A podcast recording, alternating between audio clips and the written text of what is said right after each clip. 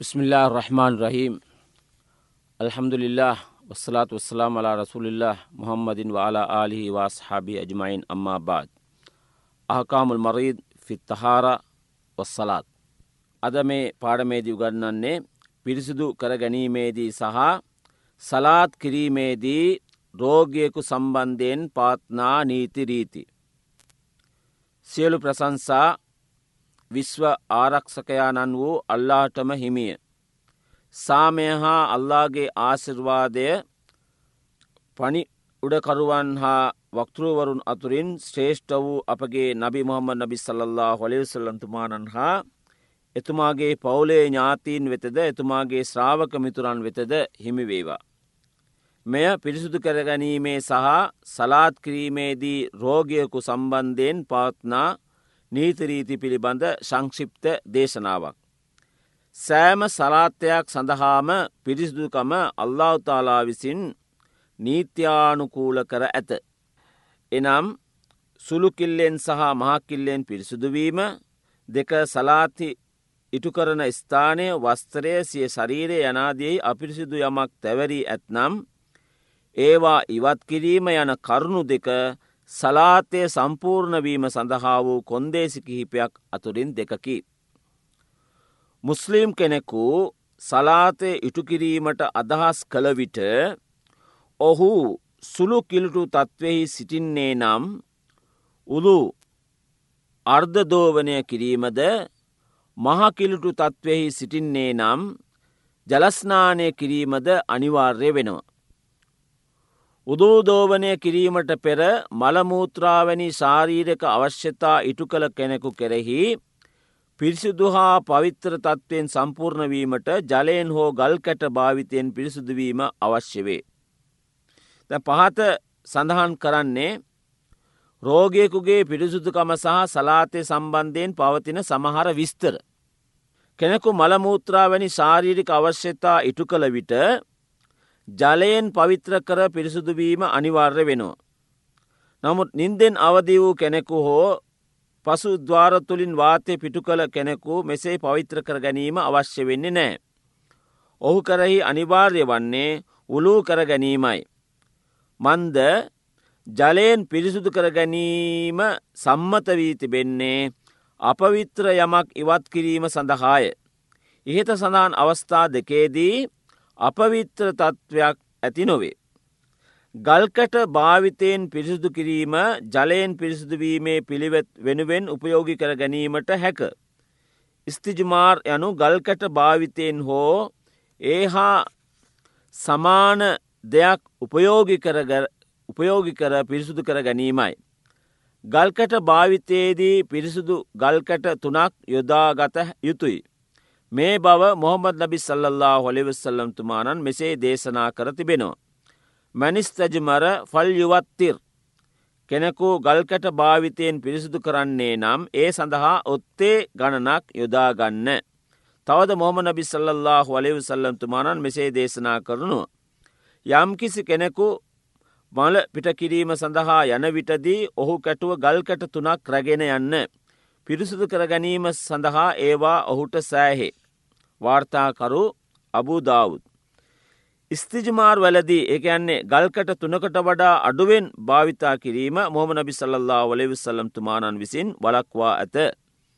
මේක හදීසයක් ග්‍රන්ථය මුස්ලිම්.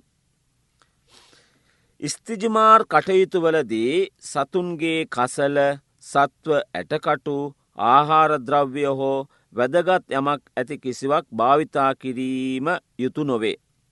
වඩාත් සුදුසු ක්‍රමය නම් කෙනෙකු විසින් ගල්කට භාවිතයෙන් හෝ ඒ හා සමාන ලේන්සුවැනි රැදිකැබැලි ටිසු කඩදාසි යනාදිය පාවිච්චි කිරීමෙන් පිරිසුදු කර ඉන් පසු ඒ සමගම ජලයෙන්ද පිරිසුදු කර ගැනීමයි.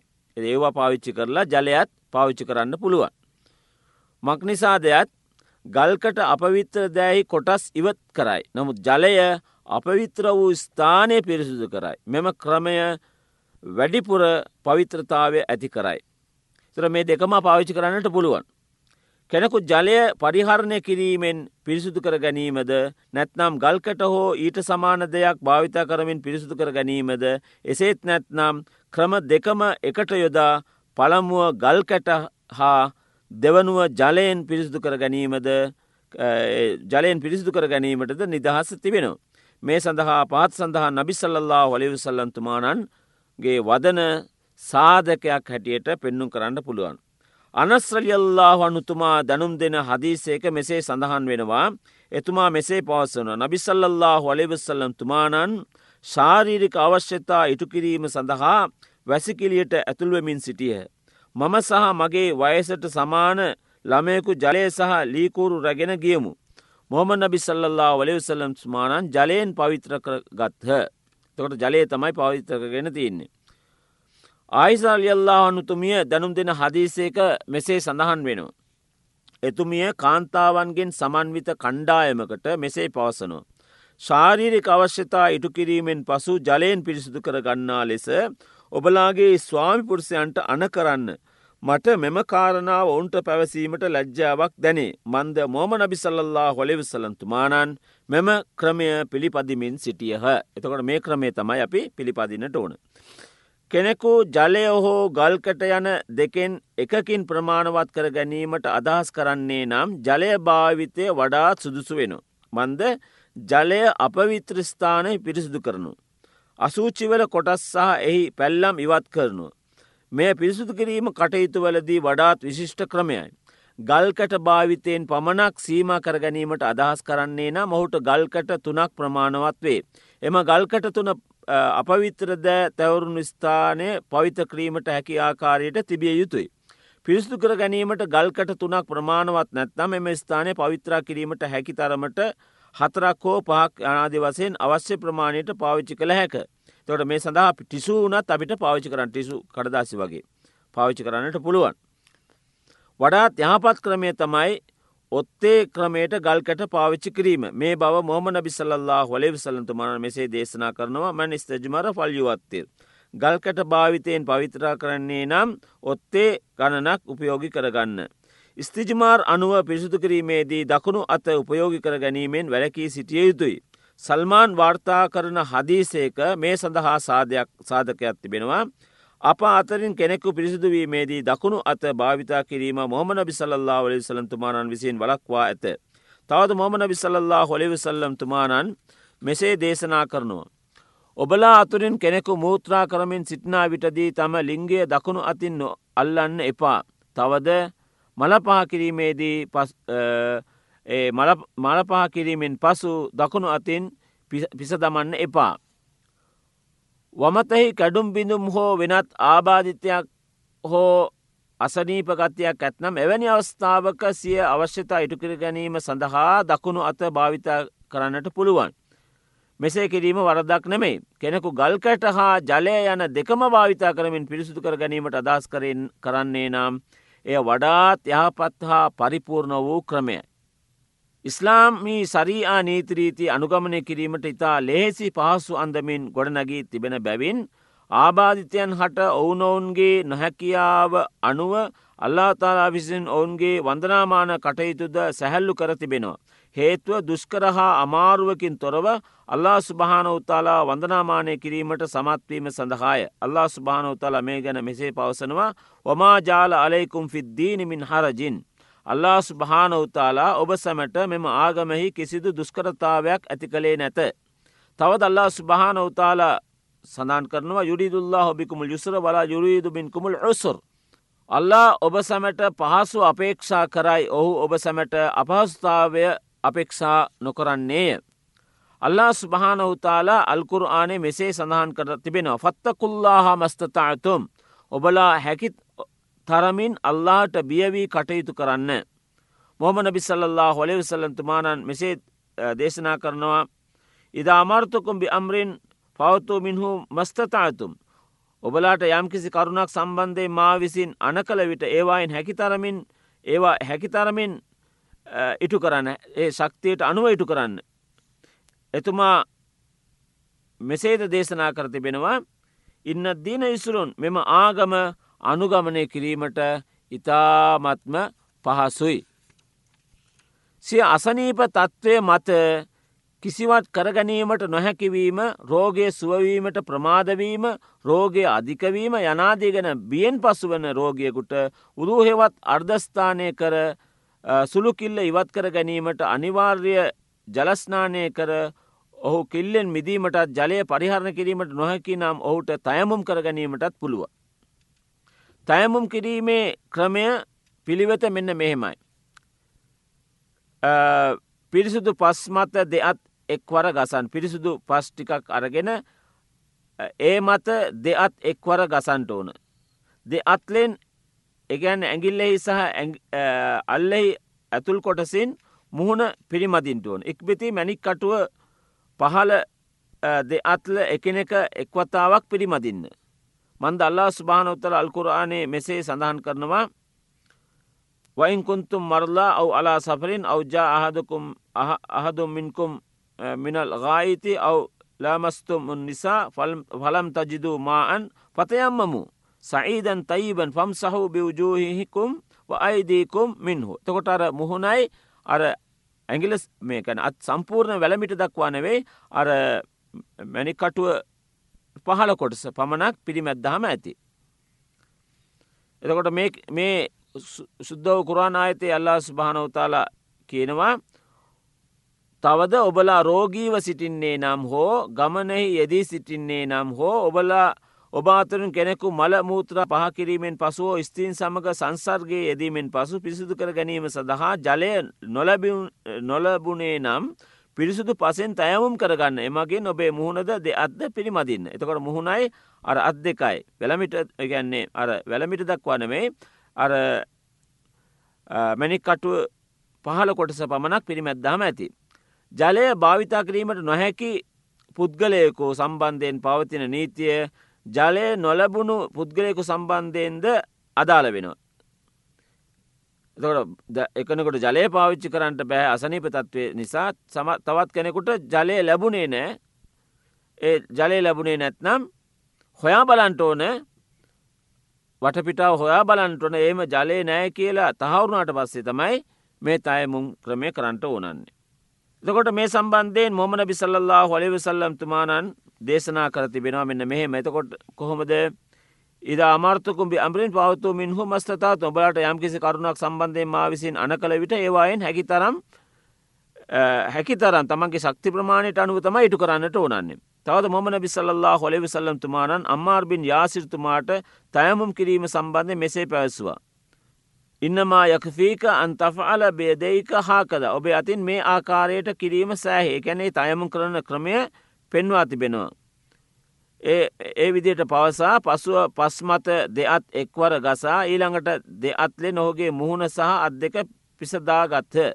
දෝවිලි සහිත පිරිසුදු පස් භාවිතයෙන් මිස වෙන කිසිවකින් අපිට තයමු කරන්නට බැහැ වෙනත් වෙනත් දේවල අපිට භාවිතා කරන්නට බෑ පිරිසුදු පස් විතරයි අපිට භාවිතා කරන්නට පුළුවන් වෙන්නේ.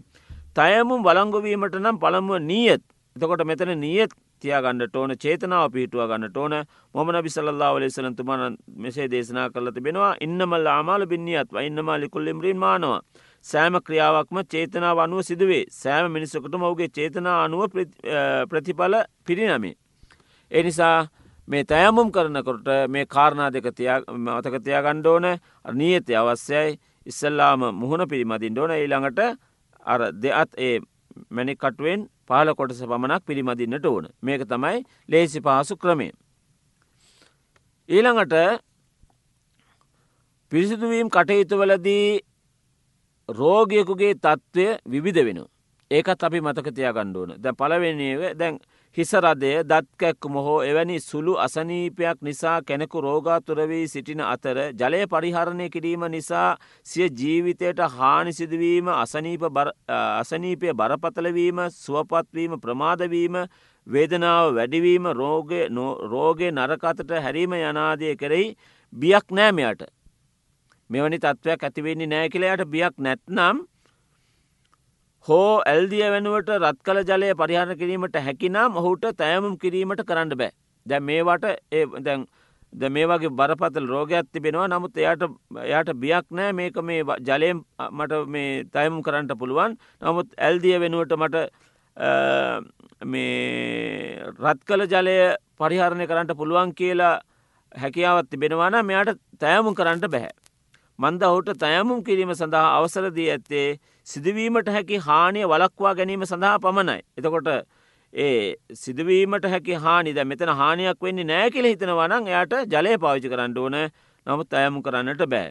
ඒති සඳහන් සුළු අසනීපතත්වයන් යටතේ ජලය පරිහරණය කිරීමෙන් ඔහුට හානියක් සිදුනවේ එබැවින් ඔහුට ජලය ලැබී ඇත ඔහුට එය පරිහරණ කිරීම අනිවාර්ය වේ. තොට ජලයතය නිසාය ජලයෙන් තමයි පරිහරණ කරන්නට ඕන.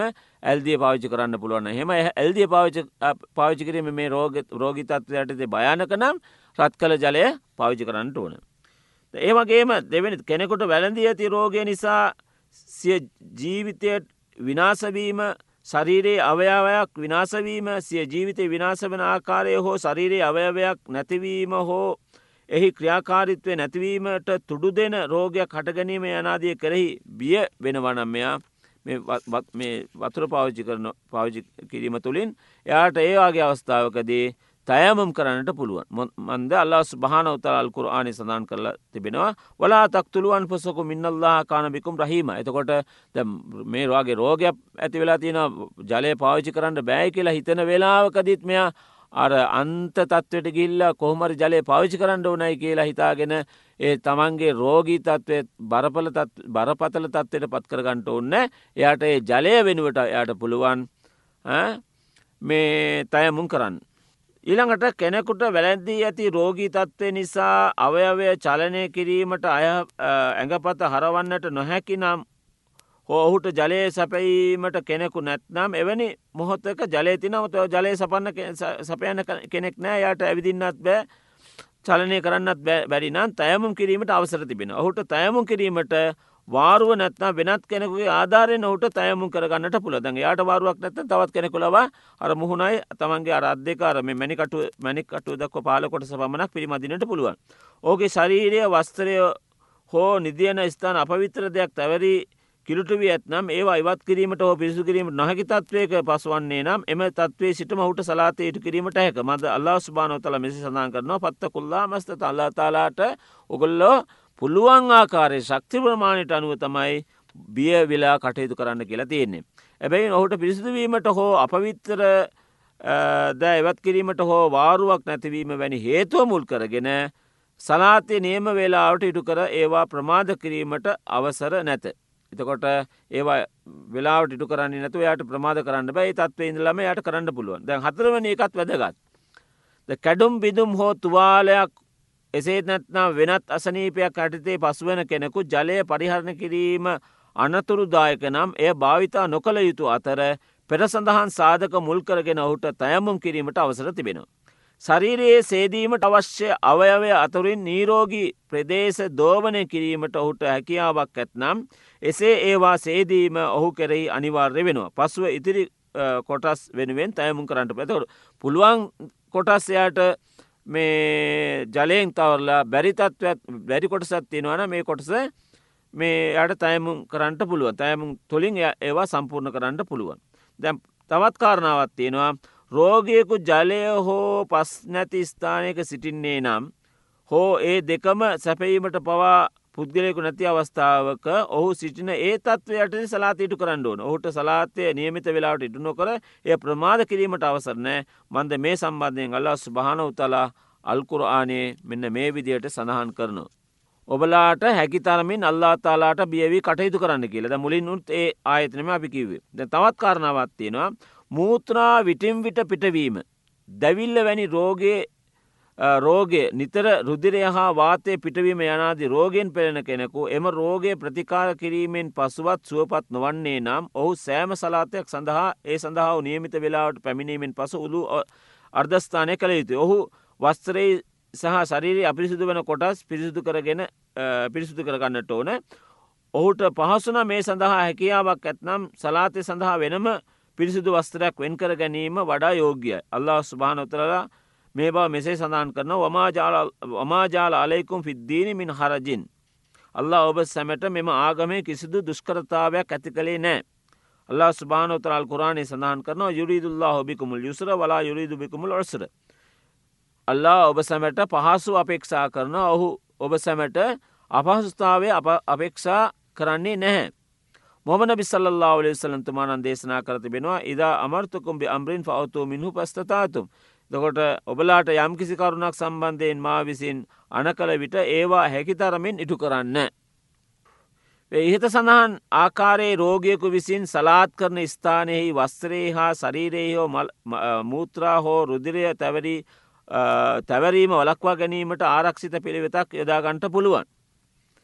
මෙවැනි රෝගින්ට සලාත්තය සඳහා වූ නියමිත වේලාවන්නේ නික්ම වෙනතුරු අල්කුරාණය පාට කියවීම අතිරේක සලාතයන්හි නිරතවි වැනි ධර්මික කටයුතුවල එදීමට පුළුවන්. නියමිත වෙලාව ඉක්මවීමෙන් පසු නැවත උලූදෝවනය කළ යුතුයි. උදූදෝවනය කිරීමට සක්තියක් නැත්නම් තයමුම් කරගන්නට ඕන මන්ද මොමනබි සල්ලා ඔලෙසලන්තුමානන් ස්තිහාලා තත්වේ සිටින කෙනෙකු සෑම සලාතයක් සඳහා ඒ සඳහාව දැක ස්තිලා ස්තිහාලා කියන්නේ දැන් සාමාන්‍ය කාන්තාවකට මාසය යන්නේ දවස් තුනක් ඒ මාස කාලය නම ඊට වඩා වැඩියෙන් එයාට නිතර නිතර පිටත් වෙනවා නම් සෑම සලාතයක් සඳහාම ඒ සඳහා වේලාවේදී උළු දෝවනය කිරීමට අන කර ඒ වෙලාවෙදි ඒ වේලාවෙදි පමණක් උදු කරන්න ඉටු කරලා තිබෙන මේ අන කර තිබෙනු. මුස්තහාල යනු කාන්තාවකට උපස් පිටවීමේ සාමාන්‍ය කාලසීමාවෙන් පසුවද එම තත්ත්වය පැවතීමයි. සලාතය සඳහා නියමිත වේලාව පැමිණීමෙන් පසු උදු තත්වේ සිටිනා විටදී ඉහත සඳහන් රෝගී තත්ත්වය නිසා මූත්‍රා පිටවී අපවිත්‍ර තත්වයට පත්වෙයි නම් එය බාධාවක් නොවේ. එවැනි අවස්ථාවක ඉටු කරන සලාතය වලංගුවේ. රෝගයකුගේ ශරීරෙහි බැන්ඩේජ් හෝ ප්ලාස්ටර් යම් වෙළුමක් නොගැලවිය යුතු තත්ත්වයක තිබෙන විට උදූ කිරීමේදී සහ ජලස්නානය කිරීමේදී ඒ මත පිසතැමිය යුතුයි. බැන්ඩෙච් හෝ ප්ලාස්ටර් රහිත සෙසු ප්‍රදේශ සේදිය යුතුයි.